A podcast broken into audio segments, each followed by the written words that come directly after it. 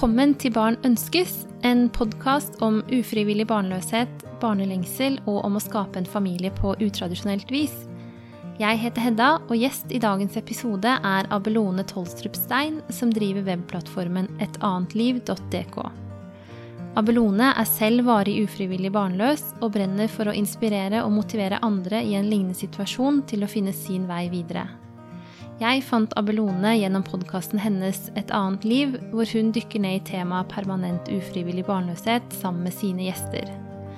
Den er det definitivt verdt å lytte til, enten du fortsatt er i en fertilitetsprosess, eller om du arbeider med å skape et liv uten egne barn. I denne episoden snakker Abelone og jeg bl.a. om å stå overfor varig barnløshet, om å ta valget om å gå videre på en annen vei, om hvorfor det er så vanskelig å snakke om barnløshet, om å finne ubetinget kjærlighet og mening i et liv uten egne barn. Jeg er nysgjerrig på å høre hva dere tar med dere fra denne episoden, og håper du som lytter vil sende meg en liten beskjed med én ting som vekket noe i deg. Du finner meg på Instagram og Facebook under Barn ønskes, og på e-post på barnonskes at gmail.com. Og dere, heng gjerne med helt til slutten av denne episoden, for da forteller jeg litt om ferieavviklingen og høstplanene i podden.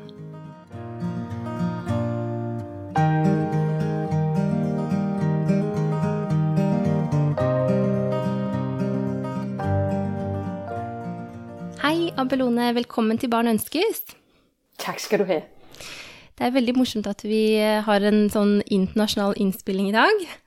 Det er så fint. Ja, så jeg regner med at det går bra sånn språklig, og så kan vi kanskje prøve å snakke litt langsomt, sånn at både dansker og norsker får med seg alt vi sier. Jeg skal gjøre mitt beste. Ja. Kan ikke du begynne å fortelle litt om hvem du er? Jo, det vil jeg rigtig gerne. Jamen, jeg hedder Abelone, og øh, jeg tror faktisk, at Abelone øh, er også et norsk navn, er det ikke rigtigt? Jeg har ikke hørt det i Norge, men det er mange som heter Lone.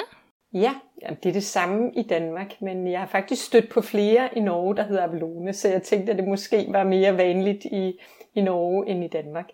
Oi, det er så gøy. Øhm, ja, men jeg er som sagt Abelone, og jeg er stifter af virksomheden Et andet liv. Virksomheden blev skabt øh, i oktober 2018 og er en hjertesag i, ja, hvad må det være, tilbage for fire år siden. Det må så være, da det var 2014. Der fandt jeg ud af, at jeg ikke kunne øh, blive mor. Mm. Og jeg ledte med lys og lygte efter at finde øh, andre kvinder, der havde stået i den situation. For at finde ud af, at der var et håb, og der var en vej. Men jeg fandt stort set intet. Og der blev det ligesom et anker i øh, mit liv på det tidspunkt, hvor det så meget sort ud. Det var tanken om, at jeg skulle hjælpe andre kvinder. Mm. Og i første omgang, så tænkte jeg, at jeg skulle skrive en bog. Der går så et øh, år, og øh, jeg siger op på mit daværende arbejde. Og øh, uden at vide, at jeg skulle starte øh, mit virke op omkring permanent ufrivilligt barnløse. Men da der var gået et par måneder efter jeg havde sagt mit job op, så begyndte øh, ideen eller tanken at tage form. Og øh, det betød, at jeg begyndte at tænke, øh, jamen kunne det være nu, jeg skulle skrive en bog? Øh, men da jeg aldrig har skrevet en bog før, så øh, begyndte tankerne om en digital platform at, øh, at komme op. Mm. Så begyndte jeg at tænke på, at jeg havde egentlig ret meget erfaring inden for det, og øh, jeg har arbejdet med organisation og ledelse i, i 20 år. Så jeg tænkte, jamen, jeg har noget med bagagen til at gå den vej. Og så tog det stille og roligt form, efter jeg havde fundet noget inspiration i udlandet, primært i England, øh, hvor jeg fandt ud af, at, at hele øh, arbejdet med ufrivillig barnløshed, og øh, især dem, der er permanent ufrivillig barnløse, egentlig er forholdsvis stort. og det var så årsag til, at øh, da der var gået en øh, to-tre måneder, så tog ideen om at starte en digital platform, den tog ligesom fart. Og øh, jeg etablerede et firma, og i oktober, øh, som sagt sidste år, så lancerede jeg øh, en øh, digital platform, hvor jeg havde genereret en masse viden øh, og erfaring på den her platform. Og jeg begyndte at lave podcast, som du gør mm. og udbyde øh, hjælp til øh, ufrivilligt barnløse, permanent ufrivilligt barnløse kvinder primært. Mm. Ja, for du tilbyr, har jeg sett, um, veiledning og workshops og foredrag og en del denne type tjenester også, i tillegg til podkasten din? Ja. Mm. Ja, det gør jeg. Øh, altså jeg har startet ud med at, at øh, være rimelig bred, kan man sige, fordi at jeg synes, at der, der manglede noget på markedet. Der, hvor jeg er nu her et halvt år efter, har jeg erfaret, at der skal mere til øh, en, en, en kvindes virksomhed. Så øh, på tegnebrættet lige nu er at omdanne mit virke til en øh, forening, eller kan man sige en interesseorganisation. Oj, så spændende. Fordi at der er, øh, mit ønske er, at det her det skal bredere ud. At det skal påvirke ikke bare øh, gruppen af ufrivillige barnløse og permanent ufrivillige barnløse, men, men det her, hvis vi skal ændre noget på det her område, bliver vi nødt til at få alle med. Vi bliver nødt til at snakke sammen, mødre, ikke mødre, fædre, ikke fædre, for at det her det kan rykke noget. Så øh, lige nu der arbejder jeg på at finde ud af at, at få en forening på benene, få den øh, finansieret fra fonde, øh, virksomheder og andet. Mm. Og som udgangspunkt skabe et, et form for sekretariat, øh, hvor man kan få rådgivning og viden, og så derudenom lave nogle øh, subafdelinger eller projekter, hvor der eksempelvis kan øh, laves efteruddannelse af fertilitetsklinikpersonale, så de bliver bedre til at varetage de psykosociale aspekter af det at være i fertilitetsbehandling. Jeg har også øh, ønsker om at få hele det her arbejde med grupper, det at vi deler erfaring og viden, øh, mødes med ligesindede, at der bliver lavet nogle gode rammer for det. Så det er ikke mig, der udbyder det direkte, men at der kommer til at være nogen, øh, der arbejder med det specifikt.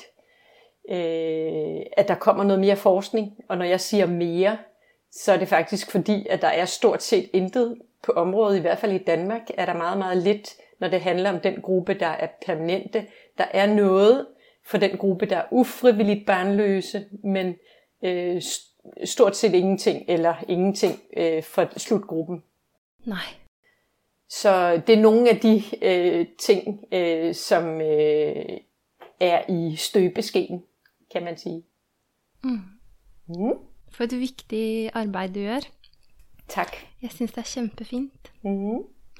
Men øh, du nævnte jo lidt her i stad, at du øh, havde selv oppdaget at ikke du kunne få egne barn. Vil du fortelle bare litt kort for de som ikke har hørt på din podkast, om, um, om din reise? Ja, det vil jeg gerne. Jamen altså, øh, første gang jeg forsøger at øh, få børn, der er jeg i starten af 30'erne, bor sammen med en kæreste. Og set i bagspejlet, så var det ikke hele hjertet, jeg tror nok, jeg havde en forestilling om, at når man smed præventionen, så ville der ikke gå særlig længe, og så ville man blive gravid. Mm-hmm. Så jeg satte mig, som sagt, set i bagspejlet, slet ikke ind i, øh, hvad kræver det, hvad skal der til, øh, at det ligefrem er på klokkeslættet og temperatur og, og andet. Så øh, da der var gået et halvt år, var det ikke lykkes, og øh, Faktisk så går vi fra hinanden på det tidspunkt. Der skal så gå øh, mm, ja, en øh, syv år, før jeg møder øh, en ny mand, som jeg har lyst til at dele mit liv med. Så der er jeg 39, Mm. og øh, han har to børn i forvejen, og ønsker ikke at få børn. Men øh, han, øh, han vil mig så meget, så han vælger at gå med og siger, at det vil han gerne sammen med mig. Og det er jo fantastisk. Mm. Og så går vi i gang øh, på vanlig vis. Og øh, også denne gang med en, en øh, opfattelse af, at selvfølgelig skal det ske. Det var måske noget tid, men så skal det nok lykkes. Mm. På det tidspunkt har jeg ikke nogen forestillinger om, at jeg er blevet for gammel, og det bliver, at det er blevet sværere. Jeg har godt nok hørt, at man siger, at med alderen så er det sværere, men jeg har en forestilling om, at jeg, har, jeg er sund, og selvfølgelig skal det lykkes for mig. Mm.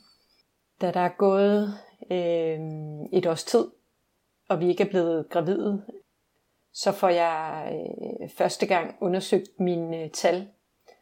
Og øh, de ser gode ud for min alder, hvilket betyder, at jeg fortsætter med øh, forsøget på at blive gravid. Mm.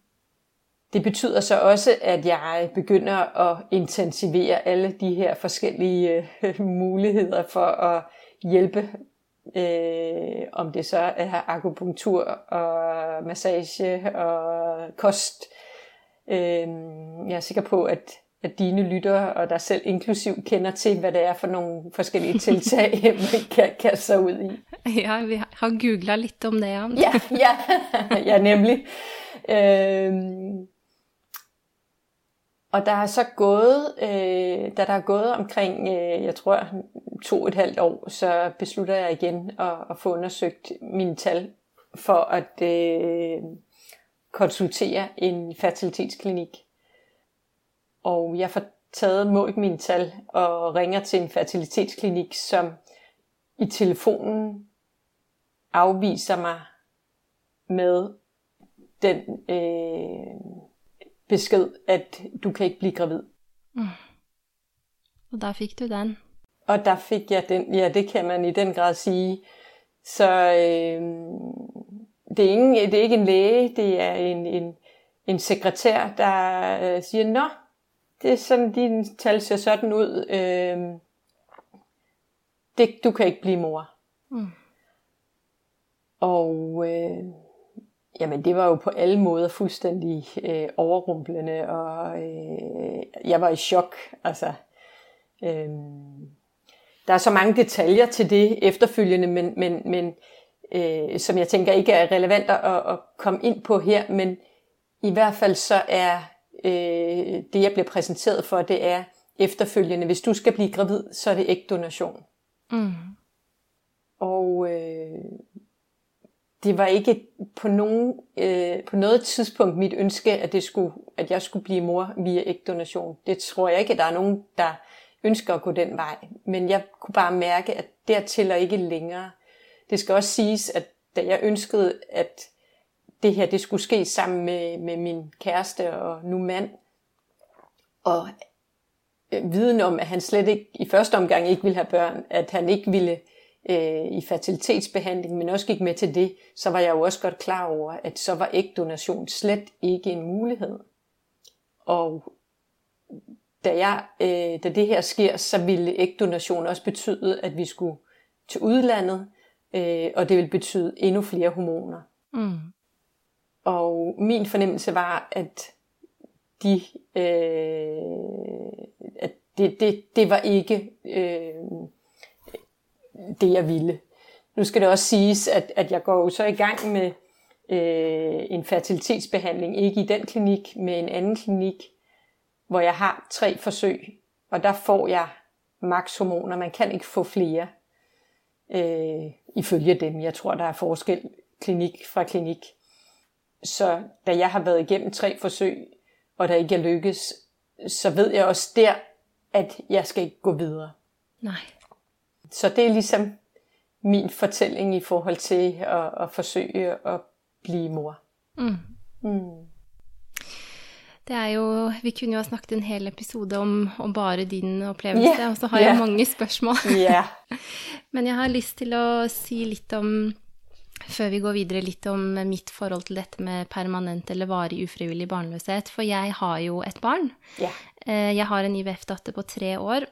Ehm, men eh, jeg har jo fertilitetsproblemer fordi at jeg har hatt eh, livmorhalskreft. Så jeg har to ganger egentlig i livet har jeg vært på en måte konfrontert med det der med at eh, permanent ufrivillig barnløshet kunne bli et livsvilkår for meg. Da. Og den første gangen var jo den gangen jeg fikk diagnosen første gang.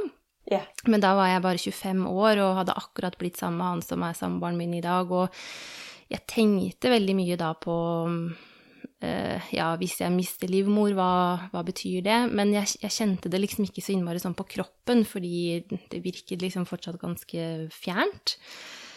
Men så um, Da vi hadde begynt å prøve på å få datteren vår, så tok jeg en celleprøve på et tidspunkt som uh, ga en mistanke om tilbakefall. Mm.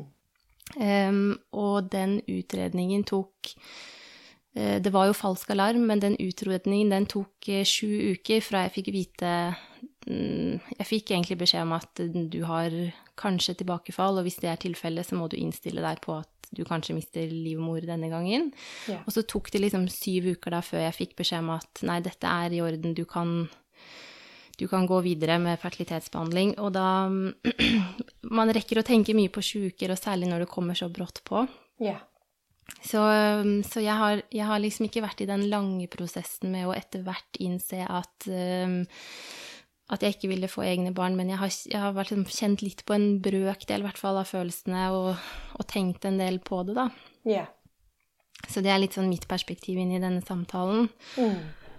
Og så kjente jeg veldig at um, når jeg liksom gikk og tenkte på det her, så um, dette med permanent ufrivillig barnløshet For meg så Den tanken var så Det virket så altomfattende og helt sånn uoverkommelig. Jeg følte nesten at jeg liksom sto på kanten av et sånn stort, svart hull og tenkte yeah. Nedi der vil jeg ikke, og hvis jeg må dit, så vet jeg ikke hvordan jeg skal klare å leve et godt liv.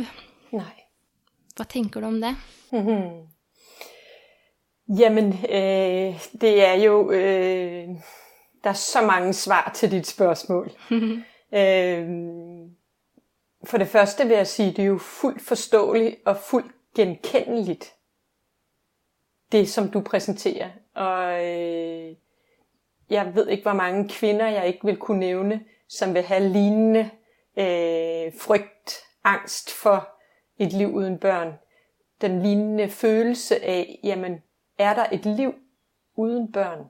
Kan jeg leve et liv uden børn. Mm. Hvorfor at tanker om selvmord faktisk er dominerende ved tanken om at leve videre uden et børn. Og det er ikke ens betydende med, at man ønsker at tage, tage sit eget liv, men tanken om at ikke have lyst til at leve videre, fordi man ikke kan overkomme den angst og den frygt og den smerte, så får man lyst til at fjerne sig fra den. Mm. Giver det mening? Altså der er forskel på, hvis man siger, jeg kan ikke holde tanken ud om at gå i den smerte. Det er en tilgang. Noget andet er at gøre noget ved det.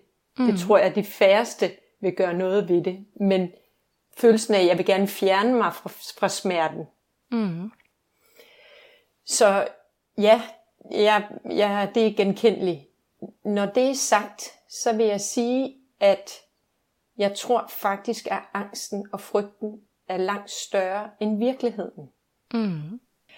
Og jeg vil sige, i den proces, jeg gik igennem, hvor man hele tiden håber og venter, den er, det er lige før, at den er mere barsk. Altså håber og venter, men også frygter det er lige før, at den er mere barsk end realiteterne. Mm. Og, og, og det er fordi, at der er en frygten, den er så altomfattende, og den er, øh, den æder os op. Giver æder, giver det mening på norsk? Ja. Ja. Øh, hvor selvfølgelig, når man får det at vide, er det jo en, eller når man, fordi det her, en, det at blive permanent ufrivillig barnløs, for nogen kommer det i en, her og nu i en besked.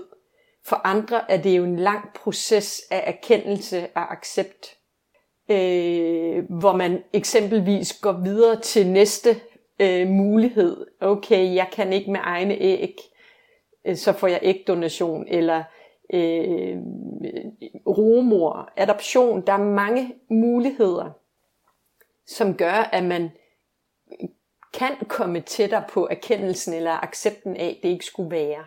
Mm.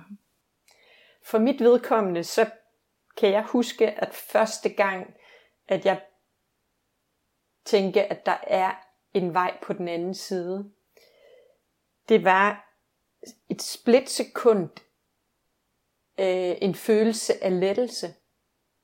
En følelse af lettelse af, at jeg kunne give slip på at være i den her proces af frygt og håb og uvidshed. Mm.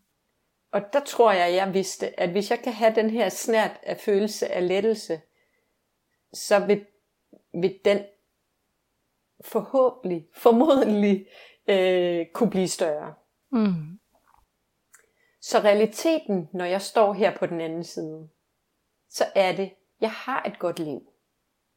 Jeg har glæde, jeg har øh, lykke, jeg har kærlighed. Sorgen, den har jeg med mig. Og den kommer i perioder. Jeg har lige været inde i en periode, hvor sorgen har fyldt. Og sådan er det med sorg. Mm. Den kommer vi til at gå hånd i hånd med.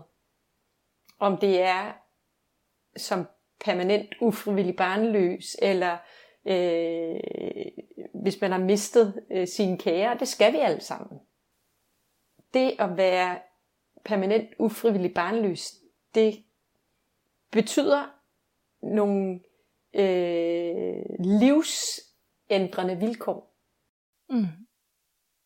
Det er så fint det du sier om at, uh, at angsten og frykten kan være større enn virkeligheten, fordi yeah. det er det jeg har tenkt også. Og, jeg, og det er en av grunnene til at jeg er så glad for ditt prosjekt, fordi at jeg tror at det å snakke om det yeah. gjør at uh, når man hører andres erfaringer, f.eks. dine erfaringer og gjestene dines erfaringer, så, så, kan man på en måte forstå at um, at uh, Eller det blir liksom ikke en sånn stor frykt som man bærer alene inni seg, som bare vokser seg større og større og blir helt sånn uhåndterbar. Yeah.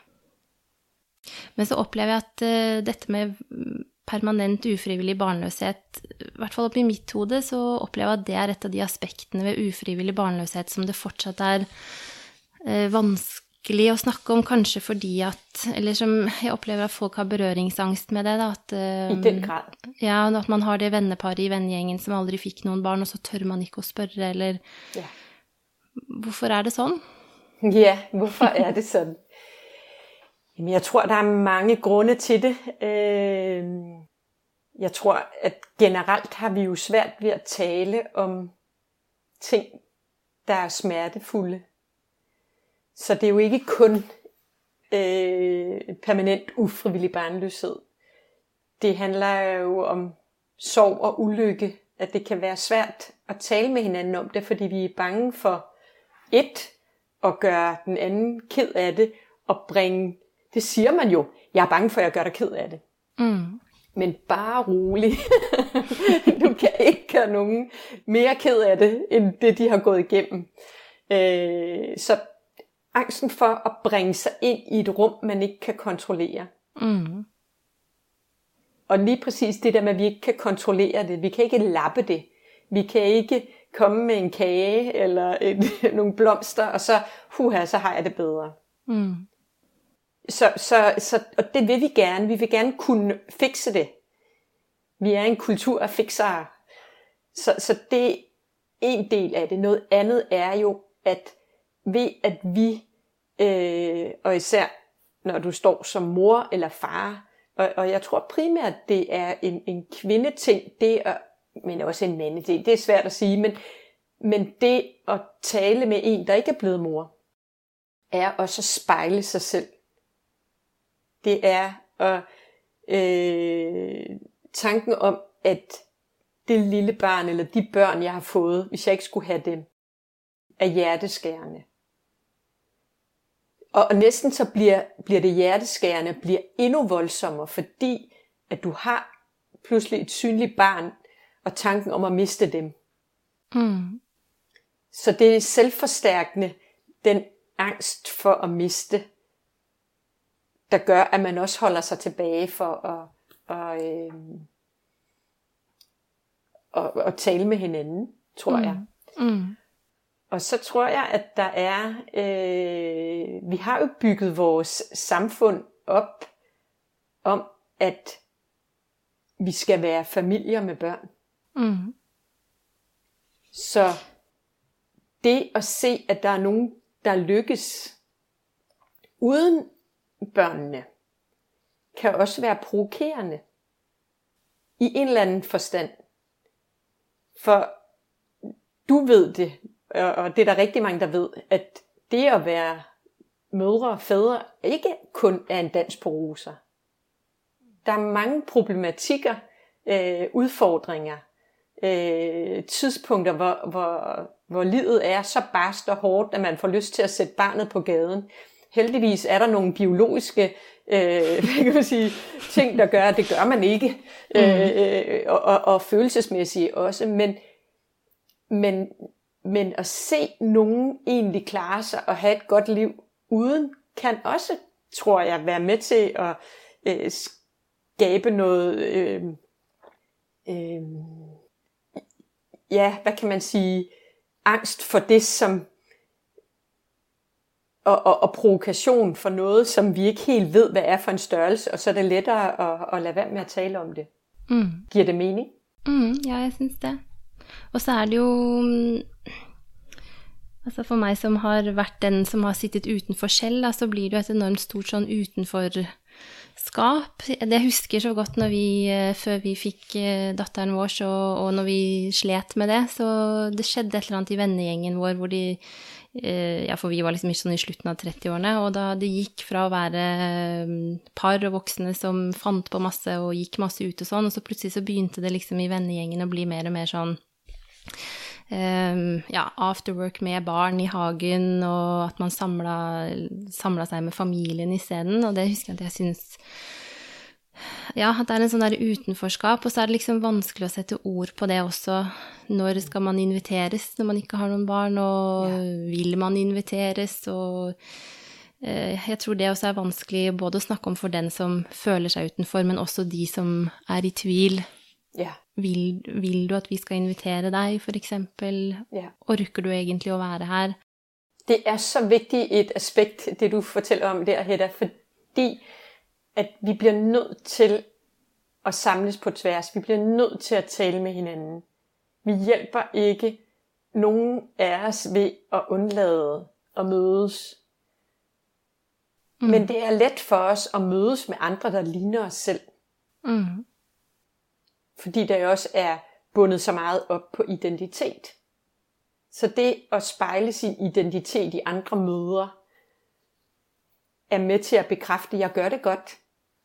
Jeg er en god mor. Mm.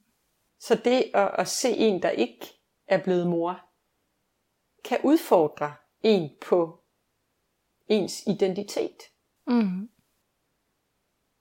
Så der, der, der er så mange øh, aspekter. Jeg tror også, at det er derfor, man jo også hører, jamen det var først der, at jeg blev, at mit liv blev helt, eller at, øh, at jeg oplevede kærlighed. Altså sådan nogle meget store ord omkring, først der gav mit liv mening.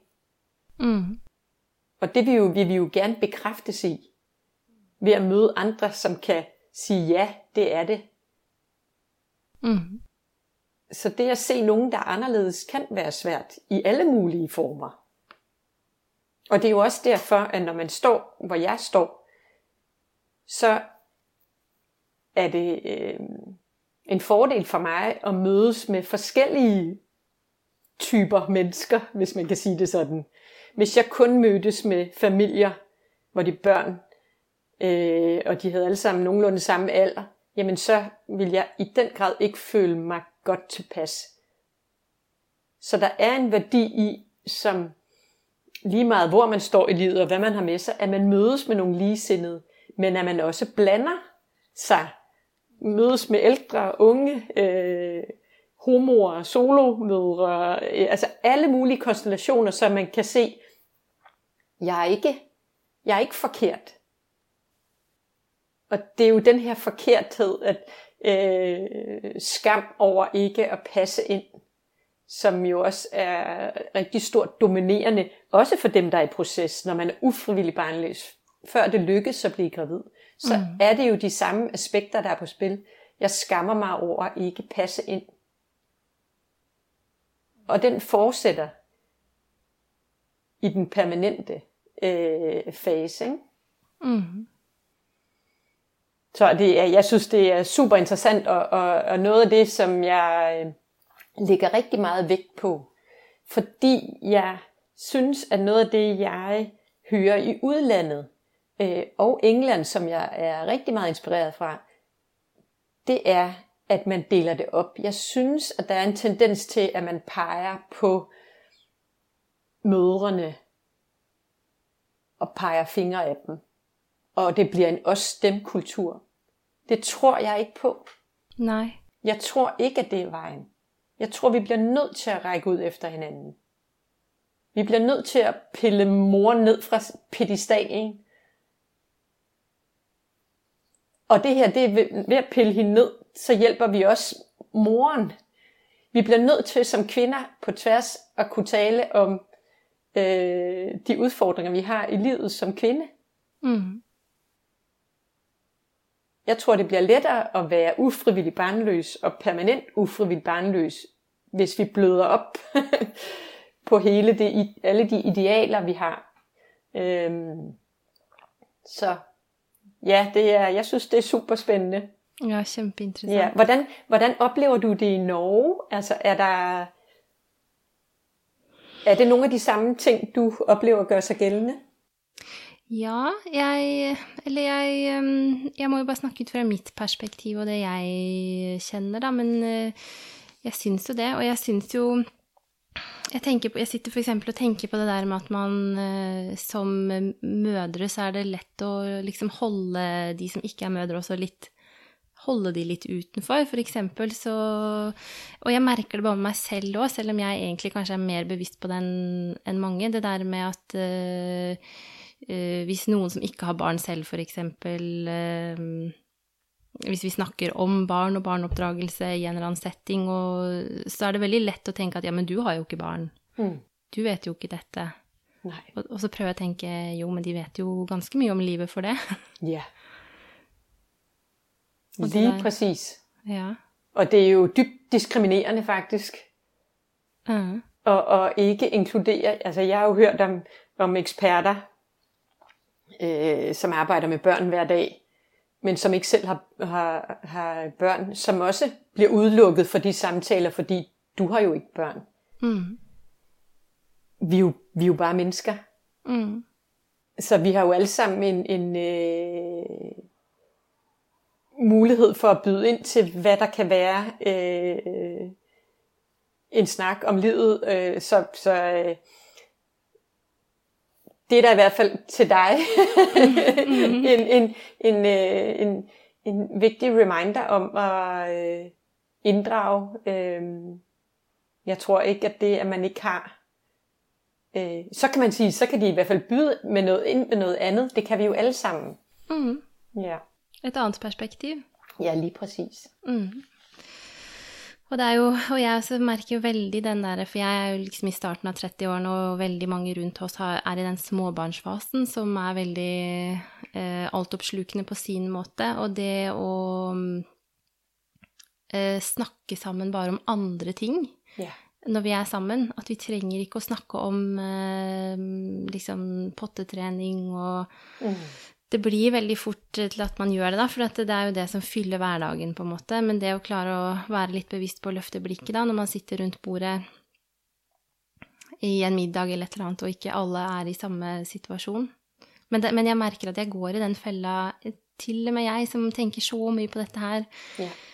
Jeg hadde en opplevelse her i høst, blant annet, hvor jeg, eh, vi satt sånn som liksom mødre gjør på en måte rundt bordet på en sånn brunsj med masse damer og snakka om barn og ferieplaner og ditten og datten, og så plutselig så bare tenkte jeg men herlighet, det er da ikke alle her som har barn, men det tok lang tid før det liksom den poletten datt ned i huet på meg. Ja, ja. ja. Men altså, jeg tror også, det er vigtigt at sige, der skal der være rum til at tale om børn og glædes. Og, øh, så det er jo ikke sort-hvidt. Nej. Det er jo så vigtigt, at der bliver delt. Men jeg synes, at man skal være opmærksom og have det med i sine tanker. Sidder der nogen rundt om bordet, som ikke er mødre? Skulle vi tale om noget andet? Mm. Også. Sådan at vi ikke udelukkende taler om børn.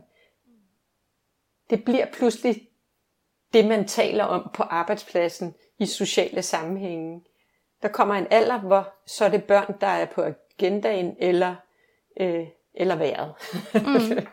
øh, så, så ja, der ligger et ansvar hos dem, der er blevet mødre, til at øh, også tale om noget andet. Ja. Og når jeg siger det, at der ligger et ansvar hos mødrene, så ligger der også et ansvar hos dem, der ikke er blevet mødre til også at løfte blikket. Ja.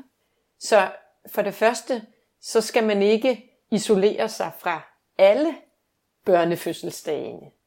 Man skal selvfølgelig mærke efter, hvordan har jeg det, og det er okay at sige fra over for nogle sammenkomster. Men nogle gange, så skal man også trække vejret dybt og komme til nogle sammenkomster, hvor man ved, at det handler om børn. Så det er jo ikke det er jo ikke enten eller. Vi er selv med til at, at grave grøfterne, hvis vi helt undlader at, at komme ind i, i børnesfæren.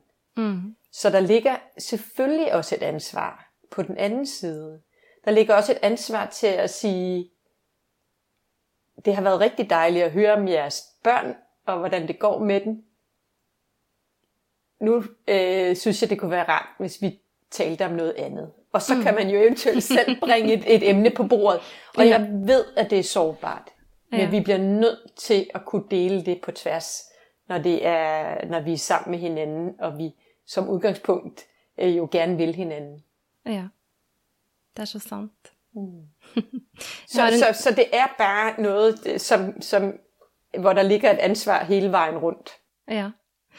Jeg har en ung kollega som er en ung mann, og han er eh, singel, og jeg tror ikke han eh, er i en sånn fase i livet ennå hvor han har begynt å tenke så mye på barn, men han er veldig flink til å arrestere oss på min arbeidsplass når det blir vel mye sånn eh, barneprat i lunsjen. Ja, det er godt. Så sier han nei, nå kan vi snakke om noe annet. Ja, det er så godt. Ja. ja. Og hvordan har du det, når han sier det? Vil der være forskel på, hvis det hadde vært en kvinne, der sa det? Jeg hadde kanskje tenkt mer Er dette sårt for deg? Fordi når han sier det, så, så tenker jo jeg ikke at han syns at det er noe sårt i det. Nei. Eh, men jeg tror at jeg hadde reagert på samme måte, for når han sier det, så kjenner jeg jo sånn Ja, det har du jammen helt rett i, og det er godt for oss alle sammen som sitter her og snakker om noe annet. Ja, fordi det jeg jo hører fra mange der er i, i samme båd som jeg, det er at det er faktisk lettere å være i mandlige fællesskaber. Mm. Fordi at der bliver delt alle mulige andre ting end børn. Mm. Så er der rigtig mange øh, kvinder, som er permanent ufrivilligt barnløse, der synes, det er meget lettere at være sammen med mænd. Ja, det forstår jeg. Ja.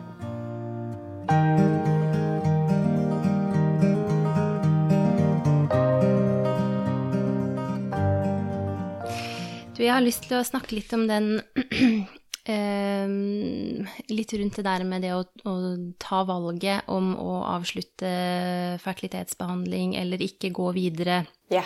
til adopsjon eller neste, for det har jeg fått noen spørsmål fra, fra lyttere om. Um, så både litt sånn Jeg har fått litt spørsmål om hvordan tar man det valget, og så har jeg også en refleksjon selv som ut fra dine podkaster, for du har snakka noen ganger om hvordan det å være i fertilitetsbehandling er en Jeg tror du skrev at, eller sa at det var ukjærlig og en umenneskelig situasjon yeah. å være i.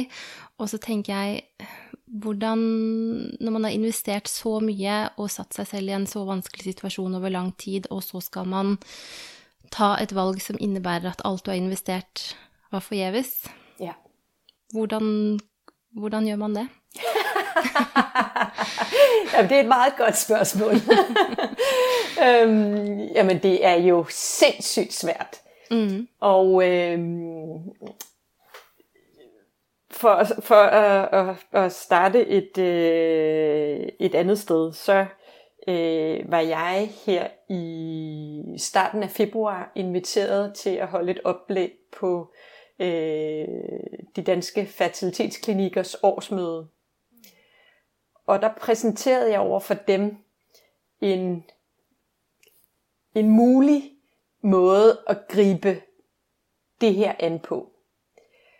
Og det var at sige, når man går i gang med en fertilitetsbehandling, kunne man øh, samtidig med, at man skriver øh, under på de juridiske og økonomiske aftaler, så også lave en psykosocial kontrakt, hvor man gennemgår, hvad er det for nogle psykiske øh, og, og sociale ting, du står overfor, når du går i fertilitetsbehandling. Herunder også, hvad er i, når du går i gang, hvad er så din grænse?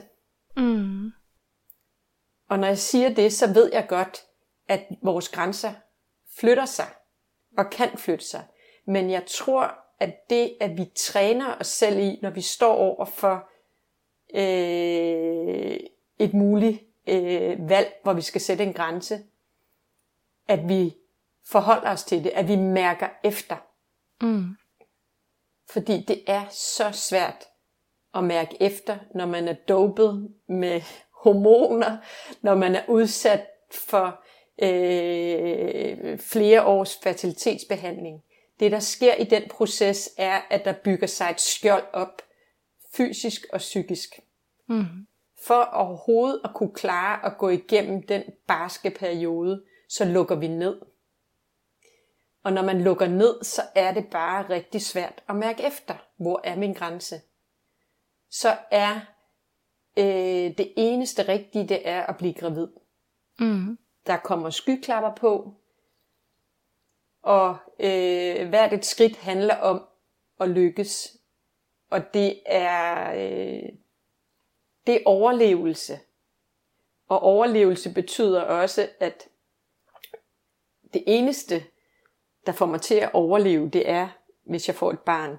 Så alt fysisk, psykisk bliver lukket ned, øh, og, og, øh, og ikke en del af, øh, hvad kan man sige, øh, ens færd. Nu mm. sætter jeg det selvfølgelig hårdt op, men, men det er de mekanismer, der, der gør sig gældende øh, for de fleste. Mm. Og så oplever jeg at uh, klinikken bidrar jo ikke til at åbne den døra i det hele tatt. Hvert fald ikke nej, min. Nej, jeg, jeg, jeg, altså det, det langt hen ad vejen, nej, så gør de det ikke. Det er klart, at du vil kunne komme med eksempler, øh, og, og lytterne vil komme med, kunne komme med eksempler på øh, en læge, der har været øh, god eller det kan være klinikker, der har en psykolog eller terapeut øh, tilknyttet. Ja, jeg vet, det vet jeg at øh, det er det, særlig privat i Norge, så er det nogen, som har det, og det er jo kjempebra. Ja. Men ikke det offentlige. Nej. Og øh, men heller ikke, altså heller ikke de, de, selv de private er det meget få, men det er dog tiltagende, øh, at man har, har nogen tilknyttet. Mm. Så det jeg vil øh, tale for, det er, at man, og det her er jo forebyggende, at man øver sig i at mærke efter, hvad er min grænse? Hvad er vores grænse? Hvor langt vil jeg gå? For jeg tror, det er væsentligt, at man har det med i system. Bare det der, du har mærket det en gang, så gør det det lettere, når man står i det. Så jeg tror, at, at det er vigtigt, at vi tager den snak, og vi mærker efter i os selv. Så det er en del af det. Jeg synes det er en kjempespennende tanke det med å tenke gjennom dette allerede fra Eller sette fokus og bevissthet på det allerede fra start, og ikke når du er seks forsøk inn, eller Ja. Fordi at eh, jeg tenker at det kan hende at Ja, hvis man på starten sier at nei, vi tror at vår grense går ved tre forsøk, Og så kommer du dit, men da kan det hende at du allikevel tenker nei, jeg kjenner helt tydelig at vi er ikke ferdig, men da, da får du på en måte satt den foten i bakken på den milepælen og sagt Opprinnelig så sa vi at vi skulle gi oss her. Er det riktig å gi oss nå, eller skal vi gå videre? Jeg synes det var kjempespennende tanke. Ja, og jeg, jeg tror, altså, og uden at, at vide nærmere om, så tror jeg bare, at der sker noget i os, når vi har sat os på forhånd, mærket efter, haft den snak. Og, og så tror jeg også, den er essentiel i, når man så kan genoverveje den. Hvad var det, vi så, sagde på det tidspunkt? Det kan være, at man har skrevet det ned. Så, så der tror jeg, det er i hvert fald et redskab i det. Når man så står i det, og ikke har lavet den der, hvad så? Jamen, jeg tror, det er rigtig vigtigt at få talt det igennem med flere. Øh, fordi at det at få sat ord på det, øh, er essentielt i, når man skal mærke, man skal prøve at få fat i, hvor er jeg egentlig i det her. Mm. Og så tror jeg, at der er en øvelse, der handler om, hvad er der ellers i mit liv? Altså få fat i øh, de aspekter i ens liv, som også giver en mening. Mm. Hvad er det, der gør mig glad? Også. Hvad er det, jeg er god til? Hvad er det, øh, jeg godt kunne tænke mig? Hvad drømmer jeg også om? Mm. Fordi at når man står i den, øh, øh, på den vej, hvor det eneste ene er barnet, så glemmer man jo, at jeg faktisk også er en fantastisk tegner, eller mm. øh, coach, eller træklatrer, eller hvad det nu er. Øh, hvor, hvor, hvor øh, det er noget med at finde ind til, jamen hvad er det for nogle veje, jeg også skal huske at dyrke, fordi det også er det aspekt, man skal gribe fat i, hvis barnet ikke kommer. Mm. Og det her synes jeg er så interessant. Jeg merka med meg selv da, i de sju ukene hvor jeg virkelig kjente på det her, så eh, jeg gikk rett inn i den derre ok, men hvis det ikke blir barn, hva skal jeg fylle livet mitt med da? Mm. Og så merker jeg at, For jeg er veldig sånn prestasjonsorientert uh, type, så jeg merker at jeg gikk veldig fort inn i det der ok, men hvis jeg ikke får barn, da skal jeg bli toppleder. Ja, det er godt. For da kan jeg jobbe døgnet rundt og ha så mange reisedøgn jeg vil. Og, uh, og det ble sånn Det ble liksom en sånn halmstrå for meg å bare Jeg klamra meg helt sånn fast i det. Mm. Men så har jeg også reflektert litt i ettertid, så har jeg tenkt også litt på Men det kan jo ikke være sånn at For jeg tror som du sier at det med å finne hva, hva man er god til, og hva man da ønsker å bruke tiden sin på, eh, er veldig viktig, men at det må heller ikke bli en sånn forventning om at ja, hvis jeg ikke får barn, da må jeg bli toppleder eller kjempe Altså, det, det, må liksom ikke være sånn at at man da skal sette noen helt sånne ekstreme mål for seg på andre områder av livet heller, fordi det blir jo... Præcis. Mm. Det skal jo ikke blive, øh, altså for det første, så skal det ikke blive, jamen så må jeg fylde mit liv med noget, så jeg ikke kan mærke, eller så skal jeg fylde mit liv ud med så meget, så jeg ikke øh, øh, har nogen tanker på børn. Altså, mm. Det skal jo ikke være en flugt, øh, som en del af det. Noget andet er, at man behøver ikke at bestige Mount Everest. Som, øh, jeg fik ikke børn, men til gengæld har jeg bestiget Mount Everest. For det skal jo ikke være en konkurrence, hverken med sig selv eller andre. Det kan være en stor glæde ved øh, helt nære og simple ting, som at være dygtig til at strikke og, mm. og give sig hen til det. Øh, og jeg kan jo allerede, når jeg fortæller det her, så kan jeg jo høre, øh, næsten lytterne sige, jamen det kan jo på ingen måde erstatte øh, det at få et barn. Nej, det kan ikke erstatte, men det kan noget. Mm. Det kan noget andet. Og det, som øh, når man siger det, så tror jeg, det er fordi, at man ofte binder det op på kærligheden. Mm. Jamen, jeg kan ikke opleve den her kærlighed. Og det tror jeg er rigtig vigtigt, at man tager kærligheden øh, den ubetingede kærlighed ud af ligningen et øjeblik. Fordi kærlighed har rigtig mange former. Mm. Så kærlighed øh, har vi i os. Og det kan være, jeg har en have, jeg kaster en masse kærlighed ud i den her have. Øh, og, og det giver mig noget igen, at jeg får lov til at, at give mig hen til haven og se noget gro. Øh, så jeg tror det bare, det er vigtigt at, at vide, at nej, det du kaster dig over er ikke, øh, det giver dig ikke det som et barn, men det giver dig noget andet, og summen af det giver dig både kærlighed og mening. Mm. Giver det mening, det jeg siger? Mm, vældig. Øhm, og, og, og når man ikke giver kærligheden udelukkende til et barn, jamen så øh, kan man sige, så er der nogle muligheder for relationer, som hvor kærligheden kan styrkes i venskaber, i, til din øh, mand, kone, kæreste, øh, eller andre børn. Mm. Så vi er ikke isoleret og kun øh, øh, tilladt kærlighed i en mor-barn eller forældre-barn relation. Mm. Men jeg kjenner, jeg kjenner, at men det også kanskje noen ganger kan kreve litt mot, fordi jeg merker at yeah. um, at det er som du sier, at uh, samfunnet vårt er veldig rigga rundt der med at uh, kjærligheten er liksom størst i kjernefamilien. Ja. Uh, og så og det, og, og det å liksom da tørre å signalisere at man uh, har lyst til å være tett på venner eller familie eller uh, Jeg tenker at det også det krever at man blottlegger seg litt òg, da, på en måte. Ja. Men det gør det. Mm. Og, og øh, det er også derfor, at øh, jeg har den største respekt for øh, både mig selv de andre kvinder, der står, og mænd, der står i lignende øh, situationer, hvor man ikke er lykkes med det, man øh, har drømt om, eller forventet, eller forhåbet allermest i livet. Mm. Så jeg har den største respekt for at skulle udfordre livet på ny. Finde en ny vej. Det kræver mod. Det kræver masser af mod. Mm. Og, og det kræver vilje at træde nogle nye spor. Fordi du får ikke foræret en livsbane, som du gør, når du bliver forældre.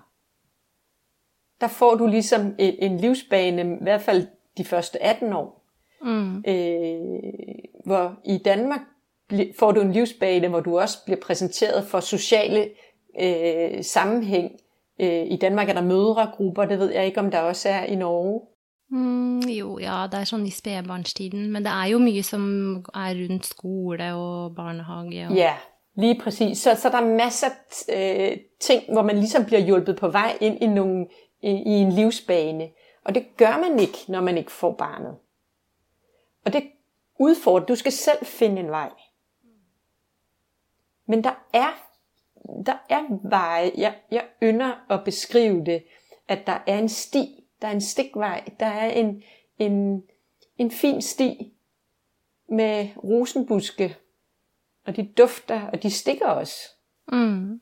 Men du kommer ned til, til havet, eller op på, på toppen af fjellet, og kan kigge ud med udsyn og indsigt. Og, så, så der er en vej, men det kræver noget af dig. Det mm. gør det. Mm. Og jeg hørte, Nå husker jeg ikke hvilken episode det var, men i en av dine episoder så, så snakka du og en gjest om dette med at sorgen handla både om eh, det du legger bak deg, eller det du ikke får, og den sorgen over det som ikke blir, men så handler det også om det å finne den veien fremover, og at det må gå litt parallelt, på en måte. Det å jeg synes, det synes jeg også er noe som er veldig fint med ditt prosjekt. At jeg føler noen ganger i samfunnet i dag så er det veldig sånn at man kan berømme de som på en måte reiser seg opp og går videre og liksom rister av seg uh, det som har skjedd, nærmest uh, uberørt. Jeg syns det er så fint å løfte det at man kan, man kan finne den veien videre samtidig som man aksepterer og bærer med seg en sorg. Yeah. Ja, men det er, og, og, og, og jeg tror også, det er vigtigt at sige i den her sammenhæng, at, at sorg er så individuel. Mm. Sorg er øh, afhængig af den personlighed, vi er. Det er afhængig af, hvad vi har med i bagagen. Sorg er der hele tiden. Så der er den vej, hvor vi skal lære at gå og finde det nye og, og identiteten. Og så er der sorgen, som er der sideløbende, som vi indimellem skal dykke ned i, når den spænder for meget ben for os. Men den skal ikke fylde hele tiden og dyrkes hele tiden. Øh, men den er der. Den er med, og den, den øh, viser os også vej øh, og lærer os noget om livet. Øh, mm. Øh, men, men essentielt at, at, at gå videre og, øh, og nyde det, der er, øh, og, og tage de skridt, der skal tages. Øh, ja, nu bliver det lidt over.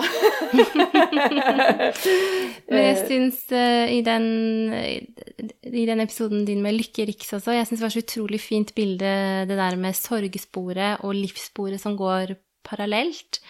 Og at kanskje i starten, uh, etter at man kanskje nylig har avsluttet behandling og sånn, så er man liksom mye i sorgsporet, men etter hvert så er man mer og mer i livssporet, og så besøker man det der sorgsporet. Yeah. Yeah. Um, en gang iblant når det dukker opp pga. et eller annet. Men det å liksom la de to sporene få lov å leve ja, hvert sitt liv, og at, den, at, det sorgsporet ser forskjellig ut for forskjellige Jeg syns det var et kjempefint bilde. Ja. Og, og, og, og netop, altså hvor man tidligere øh, har troet, at man kom over sorgen, at det ligesom var noget, nu har vi så gennemlevet nogle faser, og nu er vi slut med sorgen. At det var de tidligere teorier, og sådan er det ikke mere. Nej. Det er en, en, en, en, en følgesvend. Og jeg tænker, der er, der er sikkert også mange af, af lytterne, som har erfaret sorg i en anden sammenhæng, og ved, at, at det at eksempelvis øh, have mistet en, en forældre, jamen de, den øh, savnet og sorgen vil hele tiden være der, men man kan også gå ind i det med en stor kærlighed og, og øh, man har heller ikke lyst til at give slip på, på den forældre, selvom forældrene ikke er der mere. Mm. Mm. Mm-hmm. Vi nærmer oss tid for å avrunde. Er det noe eh, du syns at vi ikke har fått sagt? øh,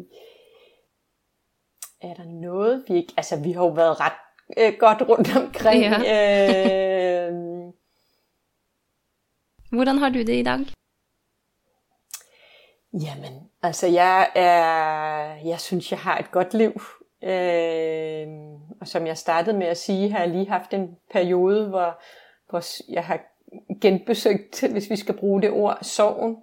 Øh, jeg har en, min far, der er alvorligt syg, øh, og som jeg ikke ved, hvor længe jeg har. Mm. Og det er jo også et billede på, at at der er noget andet sorgfyldt, øh, der handler om tab og miste, som er inde i mit liv, og det betyder så, at, øh, at den dukker op. Øh, og det er okay. Men det betyder også, at, at jeg ved, at øh, sorgen dukker op indimellem, og så må jeg kigge på den og være i den, og den er ikke sjov at være i. Mm. Jeg vil da helst, at den ikke er der, men jeg ved også, at det er en del af livet. Øhm, og så synes jeg bare, det er enormt meningsfuldt for mig at øh, arbejde med det her og øh, skabe noget opmærksomhed om det at være både ufrivillig barnløs, men også permanent ufrivillig barnløs. Mm. Så det er, der har jeg et kald. ja. ja. Det er kjempefint. Det merkes veldig i podkastene dine og i det du skriver, og det skinner veldig gjennom at du um ja, at det er et kall for deg. Jeg syns det er kjempefint. Det er så godt. Og så synes jeg jo også, hvis jeg kan netop inspirere til at sige, at, at der er et liv. Der er et liv uden det at få egne børn. At vi ikke skal frygte det. Altså at, øh, ja, det blev ikke det, som vi havde drømt om. Men der er liv, som både er meningsfuldt og, og, og fyldt med kærlighed og glæde. Og, så øh, ja, Mm. Der er nogen, hvor det ikke lykkes. Og jeg tror desværre, at det bliver flere og flere. Og derfor er det også væsentligt at få sagt, at der er, der er liv, hvor det, hvor, som er både hele og meningsfulde, øh, og ikke meningsløse. Øh, og det synes jeg er væsentligt at, at tage fat på. Mm. På tværs. Jeg er helt enig. Også på tværs af landegrænser. Ja. ja. og jeg er så glad for, Hedda, at du tog fat i mig. Og at jeg ved, at uh, vi har øh, kontakt. Så Monika, vi får øh, bevaret kontakten. Mm-hmm. Mm. Det vil jeg gerne. Det er så godt at høre. Tusen takk for at du ville være med i Barn ønskes, og tusen takk for uh, et annet liv, prosjektet ditt. Og, og tusind tak uh, retur til dig.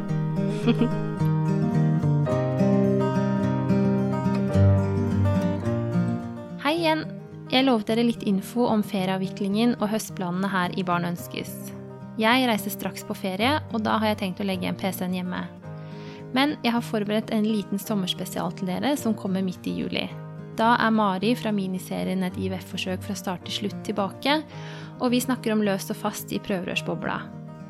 Og så i august er jeg tilbake med en episode annenhver uke igjen, og jeg har allerede noen episoder spilt inn og noen på skisseblokka. Men jeg tar veldig gjerne imot tips om temaer eller gjester dere tror kunne egne seg i podkasten, så ta kontakt på Instagram, Facebook eller e-post.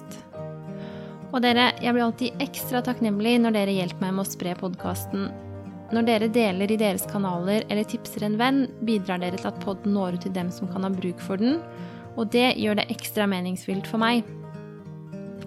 Så da gjenstår det bare å ønske dere alle sammen en riktig god sommer. Jeg håper dere alle sammen får noen skikkelig fine ferieuker uansett hvor dere er i deres reise, og at dere får litt velfortjent eh, påfyll til å ta med dere inn i høsten. Vi høres!